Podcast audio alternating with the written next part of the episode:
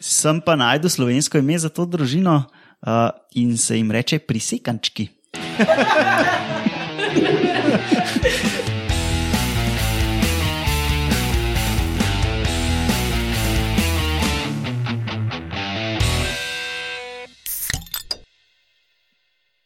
Lepo zdrav, poslušate 45. oddajo Metamorfoza.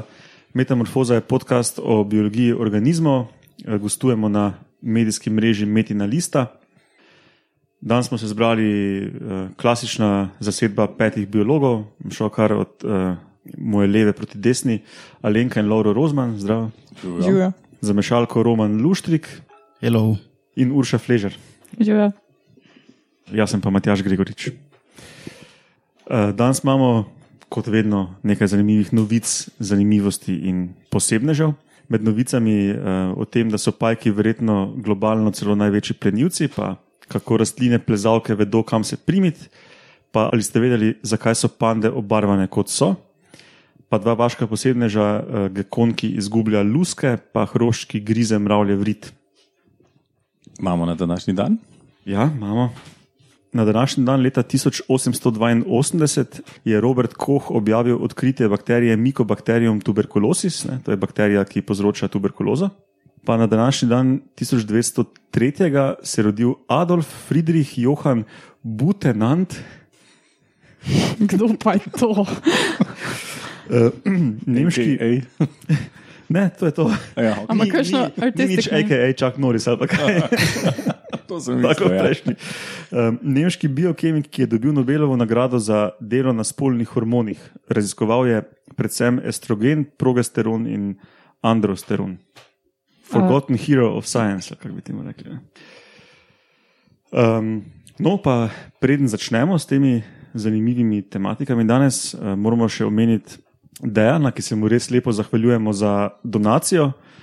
Bomo še več o tem povedali na koncu, ampak uh, tako smo mu všeč. eh, Rekel je, da um, je že pol stanovanja izdelal ob poslušanju metamorfoze, da si definitivno zaslužimo kišto piva in nam je doniral za kišto piva. Teda, hvala, Dejan. Hvala. Hvala. Zvišujemo produktivnost. Evo. In zelo cenimo.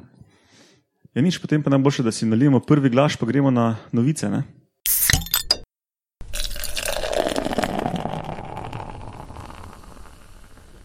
Ok, pa začnemo s spajki. Kakšno presenečenje. Ja, kakšno presenečenje, da sem dal to sam sebi. Ne? Uh, zdaj, trenutno je opisanih uh, 46.500 plus vrst, verjetno jih je tam 120.000. Uh, pajki so osvojili vse kopenske ekosisteme ne, in ocenjena gostota pajkov na kvadratni meter je v povprečju 130 osebkov na kvadratni meter, uh, maksimum, maksimalne številke pa tudi dosegajo 1000 osebkov na kvadratni meter. Ne. V kakršnem koli okolju. Ne moreš se jim izogniti. ne. Ne, se to je mogoče mišljeno v pragozdu, ki imaš na enem kvadratnem metru pač 30 metrov visok, ne. Imaš v krošnah pač E, pajke. pa bi mogli pa v rajšu volumnu govoriti. V poščavi ni smiselno volumno govoriti, mogoče pač. V povprečju. No. Tako je Roman rekel. je. No, torej jasno je, da, je, um, da imajo pajki izjemno ekosistemsko vlogo, ne? ampak do zdaj so pa slabo to ekosistemsko vlogo ocenili z številkami. Ne? So neke pač um, posamezne študije, ampak noben pa tega do zdaj ni povzel. No, ta študija zdaj pa je. No, in uh, tukaj so se lotili ene meta-analize, kjer so nabrali ogromno uh, že objavljenih študij iz različnih ekosistemov okoli sveta. Ne? In so zračunali, da je skupna masa pajkov na planetu 25 milijonov ton. A tudi na morju. Rekel sem, da so osvojili vsak, vse kopenske ekosisteme, Aha, vsa okej, kopenska okej. okolja. Okay. Imaš kakšno primerjavo s kakšnim drugim organizmom, da si lahko kaj predstavljamo pod to cifro? Ne, nimam. Uh, Imam pa, imam pa za kasnejšo številko. Uh, pa bistvo za ekosistemsko vlogo ocenite, pa koliko plena požrejo. Ne? In dve metodi so uporabljali v članku. Ena metoda ocenjuje skupno maso pajčjega plena v enem letu na 721 milijonov ton, ena pa da interval 395 do 805 milijonov ton letno. Ne, Se pravi, lahko rečemo, da nekje 400 do 800 milijonov ton letno plena, iz- večinoma žuželk uh, požrejo pajki. Glede na svojo maso bi bilo to, koliko si nisem nobene cifre zapomnil. Uh, skupna masa pajkov je 25 milijonov ton, skupna masa plena pa 400 do 800 milijonov ton. Prav do No. 40, krat, ali koliko ne, koliko Ja, nekaj. 40krat več, ja. Um, no, ampak to niti ni toliko bistveno. Ne? Uh, to predstavlja recimo en promil letne primarne produkcije uh, vseh kopenskih ekosistemov na planetu. Za primerjavo pa ljudje pojemo letno 400 milijonov ton mesa in rib. Uh, v članku so posebej podarili meso in ribe, torej pač Mhm, ribe mhm. niso meso. Ne? Pustimo kapibare in podobno. Uh, kiti in delfini, ne, se pravi um, ta skupina kitov, no, ker delfini, delfini so kiti, ne, Mhm. uh, pojejo letno 280 do 500 milijonov ton plena, morske ptice pojejo letno 70 milijonov ton plena. Uh, ni pa, sem pisal pa temu prvemu avtorju in mi je odpisal, pač, če je kaj znano, koliko pa vse ptice na leto pojejo, ali pa koliko netopirji pojejo na leto, ki pač, da imamo neko primerjavo organizmi, ki jejo tudi žuželke, tako kot pajki, pa ni v bistvu uh, še nekih študij, ki bi to ocenjevale. Ne.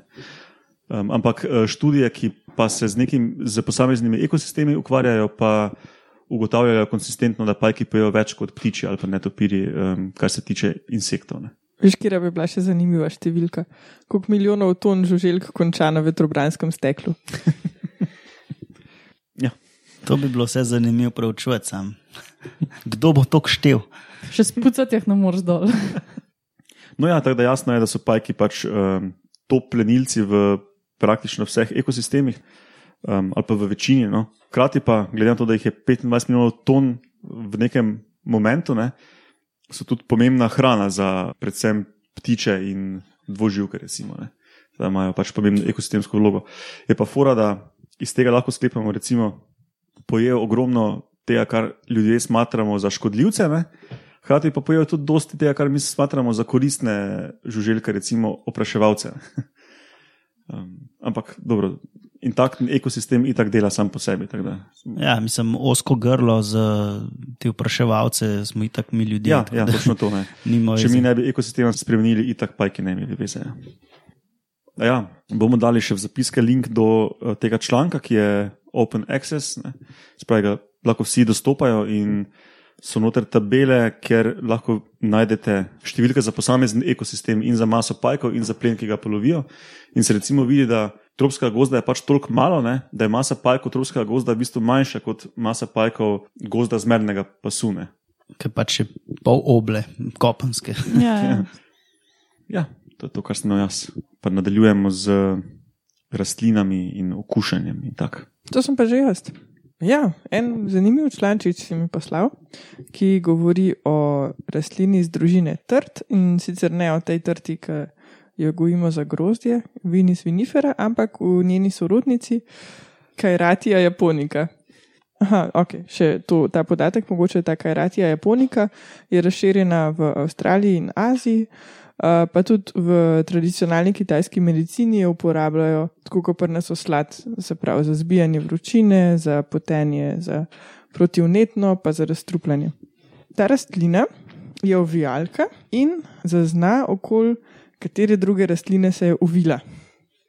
Sicer je znano, da te ovijalke dosti dobro tipajo, pač zaznavajo teksturo in površino, tale pa zaznava tudi eno kemikalijo, oziroma eno molekulo, ki se ji reče oksalat, oziroma njene spojine. No, in uh, ko se z vitico dotaknejo druge rastline, pokusijo, koliko oksalata ta rastlina vsebuje. In če jim ta okus ni všeč, se pravi, če pre, vsebuje preveč oksalata, se odvijajo in umaknejo. To pa zato, ker imajo visoko osebnost oksalata, predvsem druge ovijalke, ki jim pa tem ovijalkam absolutno niso všeč, ker to pomeni, da ta rastlina ne bo mogla nositi njihove teže. No, drugače pa uh, bomo dali v zapiske link do enega timelapse videa, uh, kako se te kajratija, japonika, trtice pod narekovaji, um, ovijajo in odvijajo od um, druge ovijalke ali neke druge rastline. Spravi, um, se zavije, pa okuša, pa je ni všeč, se odvije v nekaj urah. Ne? In to so pač posneli v lebu v timelapse video, tako da bomo dali to v zapiske, če koga zanima. Ja, drugače pa te rastline zaznavajo še kar nekaj drugih spojin. No. Recimo tudi med sabo si po zraku sporočajo, če je kakšna rastlina objedena ali pa če je napadla plesen ali pa tako. No. Pač niso tako neumne, kot si mi mislimo, čeprav tako, oh, rastline okušajo. Ja, seveda okušajo, sploh čez korenine, marsikaj. Ne.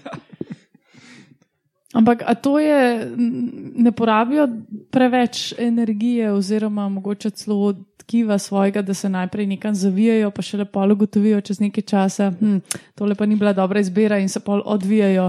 Bistveno bolj energetsko potratno uh, je rast dosti časa na napačni podlagi, ne? kot se odvid od podlage čez nekaj ur.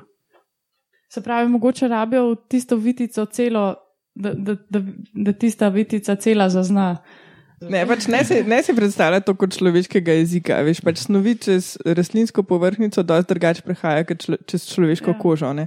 In tam je, so, vsaka celica ima bistveno večjo avtonomijo kot pri nas človeške celice, in hkrati so bistveno bolj povezane med sabo. Ne? Če se spomniš, imajo pravne kanale, Ja. skozi kire vse potuje. Ne? Se zato bi si pa mogoče mislila, da je že dovolj, da se samo dotaknejo s konico vitice ne? in da gre potem ta signal nekako uh, po celi in do rastline.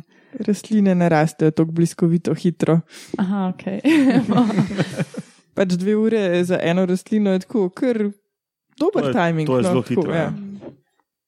Ja, ene trave sem včeraj kdaj izvedel, da zrastejo do uh, 60 cm na dan ali nekaj tazga. Tako da to v bistvu lahko gledaš. Kakšni bambusi. Mislim, da je v Indiji neka trava, ki jo sloni pol tamanjo, pa sem pozabil, kje je. Um, planet Zemlja, uh, epizoda travišča, to si lahko pogledal. A ja, se res ti doktorat pišeš, pa ti dokce. To je dejstvo. Ja. Um, ok, zdaj pa zadnji teden je bilo ful zanimivih novic, ki jih jaz ne bi rad spustil v podkastu. Uh, pa sem se odločil, da bom zdaj dve povedal tako zelo na hitro, minuta na novico, pa bomo dali linke v zapiske, če bi si kdo rad več o tem prečital. Uh, pa gremo potem na ali ste vedeli. Prva teh dveh novic je o prehodu na kopno. Predniki današnjih rib in kopenskih štirinožcev so začeli migrirati na kopno pred okoli 400 milijoni let. No, selekcijski pritiski za ta prehod na kopno pa so slabo poznani. Ne? E, glavni hipotezi sta pa, da je to izogibanje kompeticiji v e, morju in ubežanje plenilcem v morju, ne? to je ta prehod na kopno. No, ta članek zdaj se ukvarja z enim takim primerom ribjega prehoda na kopno, ki pa se dogaja prav zdaj. Gre za eno vrsto rib na enem otoku v Pacifiku eh, in te ribe živijo amfibijsko. Ko je oseka, so v plitvi vodi, ko pride plima, pa grejo ven na kopne in skakljajo po skalah. Eh, In v tej študiji so eksperimentalno pokazali, da so se te ribe začele premikati na kopno zaradi izogibanja plenilcev, ki pridejo tja s plimo. In tudi jajca eh, ležejo v luknjice na skalah na kopnem. Eh, No, druga novica pa je o naših prijateljih tardigradih. To so tisti mikroskopski organizmi, imenovani tudi vodni medvedki, počasniki, tihotapke. No, in to so kao najbolj trpežne živali na svetu. Um, o tem je predvsem Roman povedal več že v oddaji 34.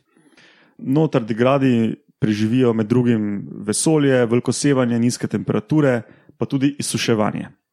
Uh, brez vode preživijo tudi, tudi več desetletij in potem spet oživijo. No, in zdaj so v sveži študiji študirali, zakaj preživijo izsuševanje. In uh, sicer to je že znano, ne, kakšne kvasoke pa bakterije so tega sposobne, ker pač uh, imajo v celicah, pač celice zaščitijo z nekim um, oglikovim hidratom. Uh, pri tardigradih pa ne gre za te cukre, ampak ob izsuševanju v celicah nastane ogromno nekih določenih proteinov, ki zavarujejo strukture v celicah. In ti proteini nimajo fiksne strukture kot običajni proteini, ampak so kot eni, kot ene špagetaste fedre, ne, taki um, zelo fleksibilni, ki se ne poškodujejo ob, ob izsuševanju in na ta način ščitijo strukture celice. In o obeh teh novicah uh, si lahko več preberete, če želite, v linki, ki jih bomo dali v zapiske. Vidiš, ne, to znanje bi še najbolj Disney prišel prav. Ne. Špagetaste fedre?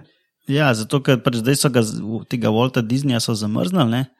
ampak ga bojo pač odtajali, se bo sam še v tekočino, ker pač nima nobenih ci- intra, znotraj celičnih struktur, da bi zaščitile Celice bojo počle. celo st- st- steno, noter tiste aparate, vse. Um, ja. Tako da, par let prepozen. Jaz je glaven problem vode, da se razteza pri zmrzovanju. Tako da, ups.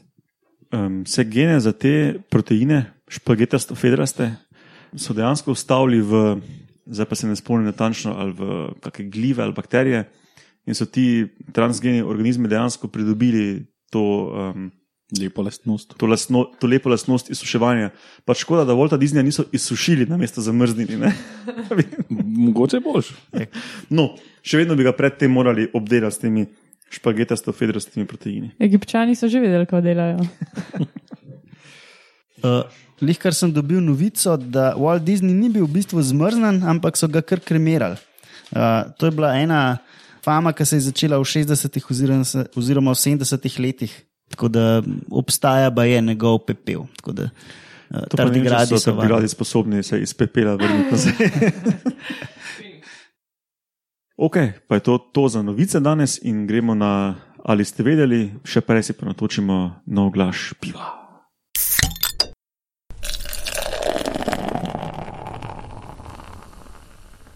Zadnjič smo spustili ta zvok in to je bilo oglašanje črno-bele pandeje.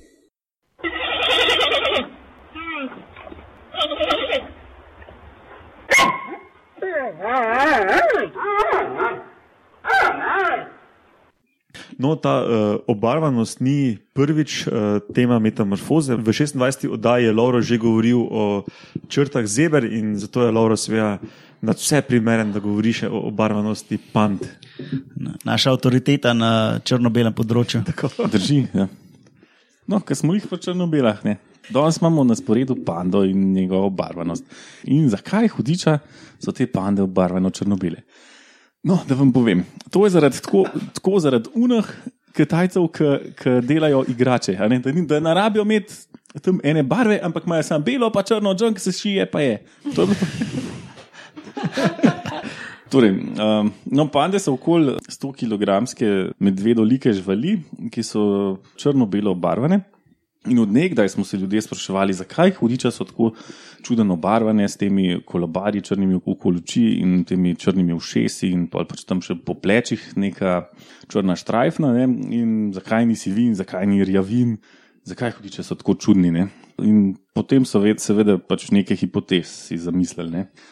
Torej, ena pravi, ne, da je to svarilno, ne, da so svarilno tako pobarvane. Kako bi bilo to lahko svarilo? Pa ne vemo. Ne. Dobro, naprej. Eni pravijo, da je to kamuflaža, ne, da se lažje skrije med Bambusom. Bog ve kaj. Eni pravijo, da je, tako komunicirajo, ne, da imajo uh, osebno specifične vzorce, in drug panda ve, za katerega črno-beleža gre. Eni pravijo, da ker imajo pač okoli oči črno, da si na ta način pred soncem, ne, uh, da se jim ne blešči pa to, da boš videl, na mestu čal pa to. Eni pravijo, da gre za regulacijo toplote, No, in pa so se pač eni modeli uh, spravili raziskavo delati in so primer, primerjali uh, 195 mesojedcev, eh, med tem uh, 39 podvrst medvedov. No, in potem so primerjali njihove socialne navade, okoljske pogoje in še neko ostalo vedenje. Čak, kaj so med mesojedci gledali? Uh, torej, skupina živali, ki so karnivora, ne? torej Uh, po naše je to zveri. zveri. Torej, ja. Pravi, skupini se reče znanstveno karnivora. Kaj, panda je zver, pa tako prijazen je, pa bambu zgloda. Medvedek. Torej, najdel so se pač eni sociopati, ki se jim reče biologi, in so delali uh, raziskavo. Ugotovili so, da tole s temperaturo ni nobene povezave. Niti nobene povezave z zaščito očmi pred svetlo, oči pred svetlobo ni bilo. So pa ugotovili, da ne bi šlo pa za neke korelacije z kamuflažo in sicer pač v beli deli ne bi pomagali pri um, kamuflažo na snegu in tam ne pa pač v hosti. Mogoče moramo meniti, da pač pande so aktivne celo leto in da tam, ko živijo, so in v snežnih razmerah del leta, in v nesnežnih gozdnih razmerah. Ja, pač živijo na velikih uh, nadmorskih višinah, 2 do 3 tisoč metrov, tako da tam je to kar Ja, kot aktualno, da bi to ja. naj bil neki kompromis, ne? da niso čist bele ali pa čist temne. Ampak, samo- za, sko, za vsak del leta neki. Ne? ja. Čeprav okay, zdaj prav. tista bela barva polet, to je, jaz ne kupam. No. Ampak pustimo, le. Ja, Mogle bi biti zelene. No, pač, ja, to pač podatki kažejo. Ja. Podatki to, je, to je kažejo. zdaj prva študija, ki dejansko s podatki na nekaj kaže, prej so si pač ja. ljudje samo Mislili, namislili, ne. kaj bi lahko bilo. Ne. No, zdaj, seveda, pričakujemo, da bodo prihodne študije to vrgle in si izmislili, kaj bolj pametnega, ampak za enkrat je to najboljš, kar imamo. Ne? Torej, naprej potem potrdili so tudi, da gre za zaščito pred predatorji. Njihovi predatorji pa so uh, leopard, črni in rjavi medo, tiger, pa volk, če ga jih kje še, še, še najde. Torej, pol pa, da ugotovili so tudi, da okoli oči um, so te vzorci specifični za vsako osebek, se pravi, naj bi se tudi prepoznali uh, drug drugega pač po tem vzorcu. Potem so tudi um, ugotovili, da so uhe, ki so črne, da, da to bolj zgleda strašno. ne. Um, Ja, pa to tudi nekaj so za oči pisali, ne, da če s- kao, kažejo agresijo ali do drugih. Uh, Ja, tako da pand ali stremijo do, ja, da, da, drugega. da, da se jim tudi poveča ta črn del okoli oči. Ne. Če pa hočejo neko očitno izkazati ne agresijo, si Pa celo pa- z šapami pokrijejo oči. Ne. Ja, s temi črnimi šapami in potem je še večja una črnina, tako da tega spet ne kupam, ne, zato tega nisem hotel omenjati. Ja, no, jaz pa sem, evo. Tako da, okay, lej, za, za enkrat je to najboljš, kar imamo. Da, okay. No, to so prvi pogledi v to, kaj bi ta obarvanost eh, dejansko lahko bila. Ne. A tle pa ni bilo nič to s komarji, pa to. to, to, to, tokrat niso omenjali komarjev, klopov ali pa uh, termoregulacijo, pa svoje. Za poslušalce, ki niso poslušali 26. oddaje, pri zebrah je ena kar malo hecna hipoteza o letečih parazitih, ja, pa obarvanosti zebr. Torej naprej. Ne. Ja, ok, potem pa si natočimo še nekaj zanimivosti in gremo na vaše posebneže.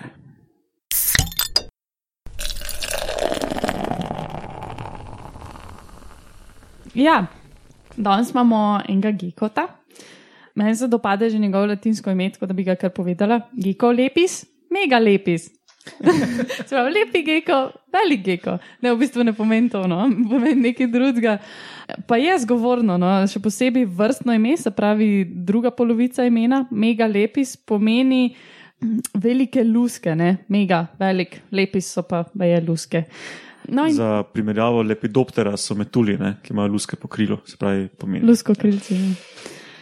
Uh, in tudi, če, če pogledate fotke od tega gekata, ima res očitno velike luske. Mene tudi po tistih fotografijah, ki je bilo na, na prispevku od National Geographica, ne, se še tako mal maurično sveti, čeprav najbrž se v resnici tega ne opazi. Ne. Ampak mene je spomnil kar na tisto maurično ribico, ki smo jo brali, ko smo bili mehni. A se jo kdo spomni? Ne. Vsi Okay. odkimavamo. No, pa pač tisti iz moje generacije bi se jih spomnil. Ker so ji glih isto luske odpadale. Ja, ja, točno tako.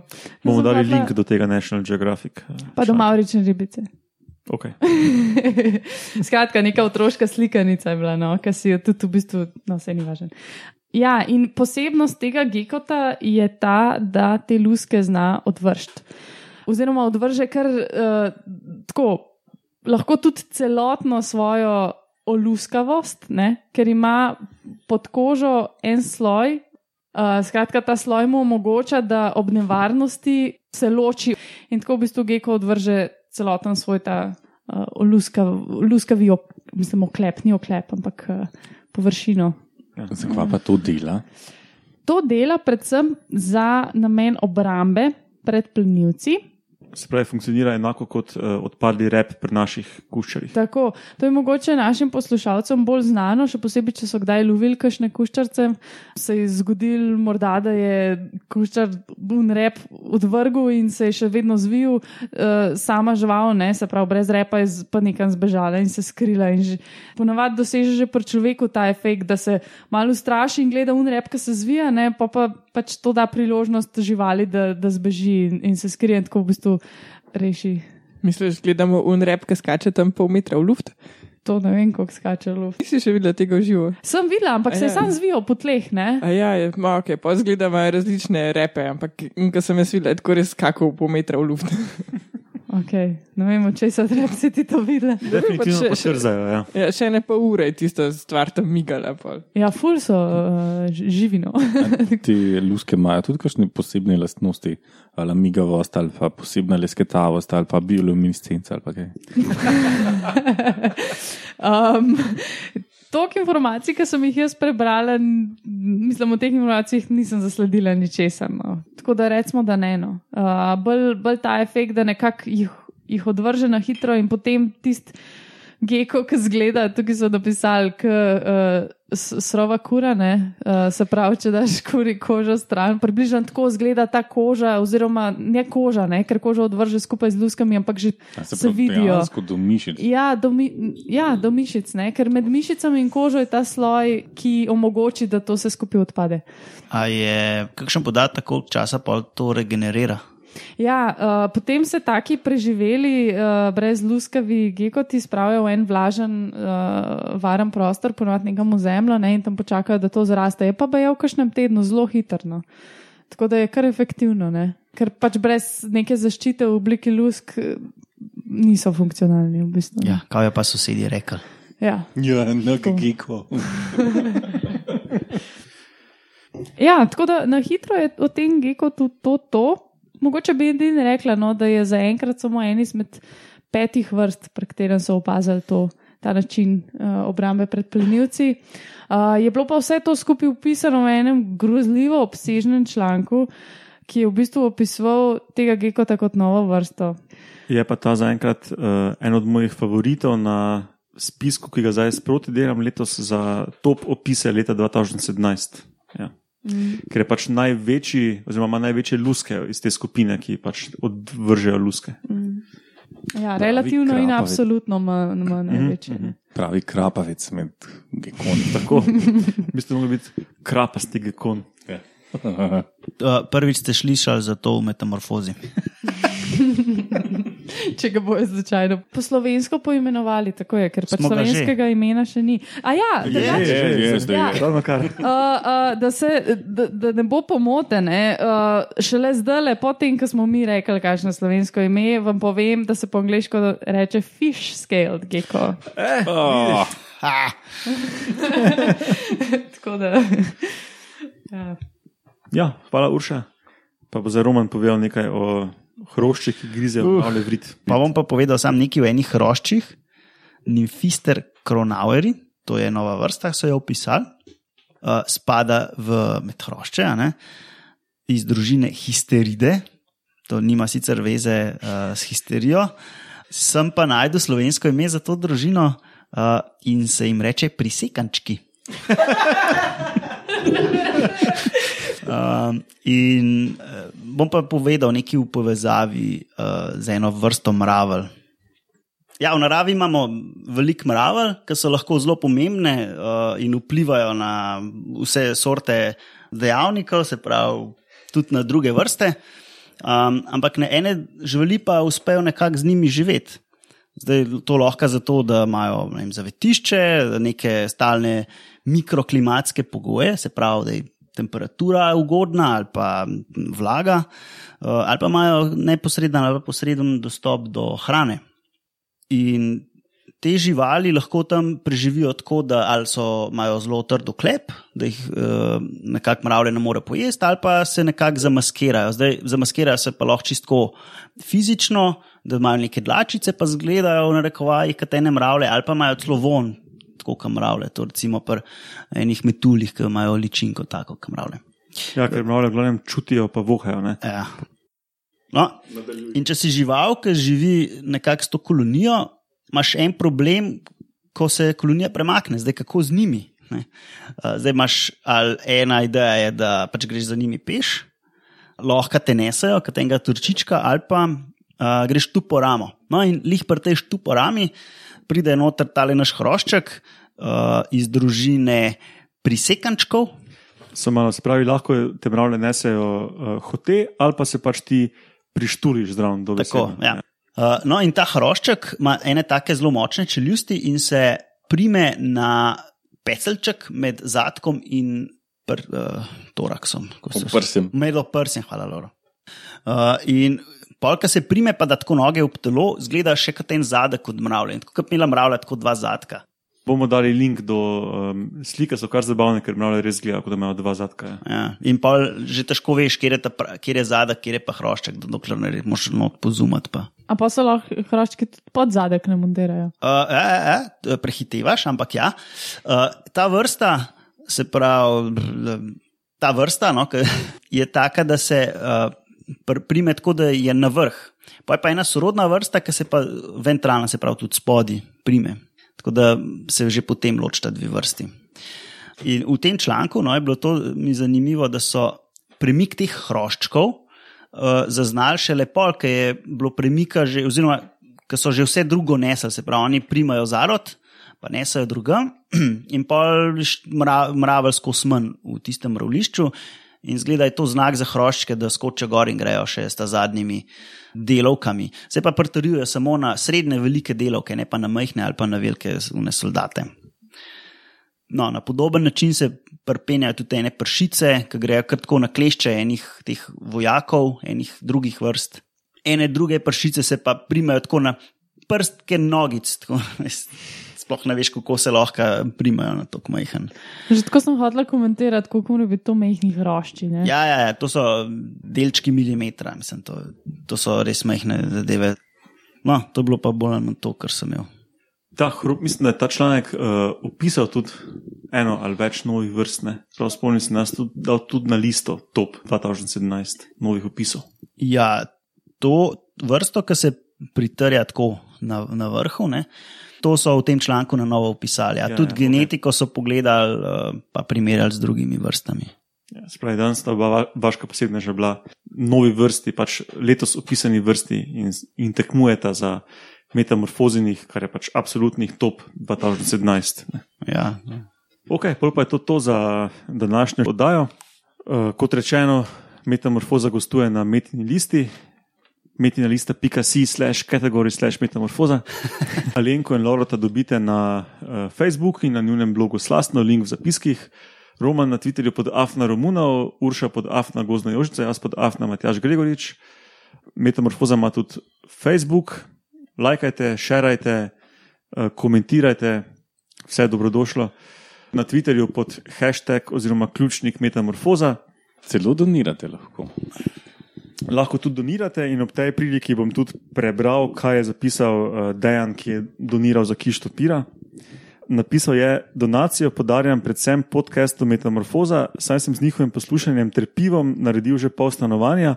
So prvi, da so naredili biologijo res zanimivo, pa delam v jeklarni, sploh nisem iz Foha. Tako da ostanete še naprej super, donacija. Hvala, Dejan, še enkrat. Uh, Hvala, hvala. hvala. Uradno ti bo Bog povrnil. Um, ja, tako da, kdor lahko donira, um, donacije bojo dobrodošle, um, zbiramo za novo mešalko in mikrofone. Pomagate lahko tudi z širjenjem po vaših družabnih omrežjih. Ja, pa hvala za poslušanje, hvala vam štirim za sodelovanje, hvala Oleju Reuterju za logo in do slišanja naslednjič. To to. Ja. Jo.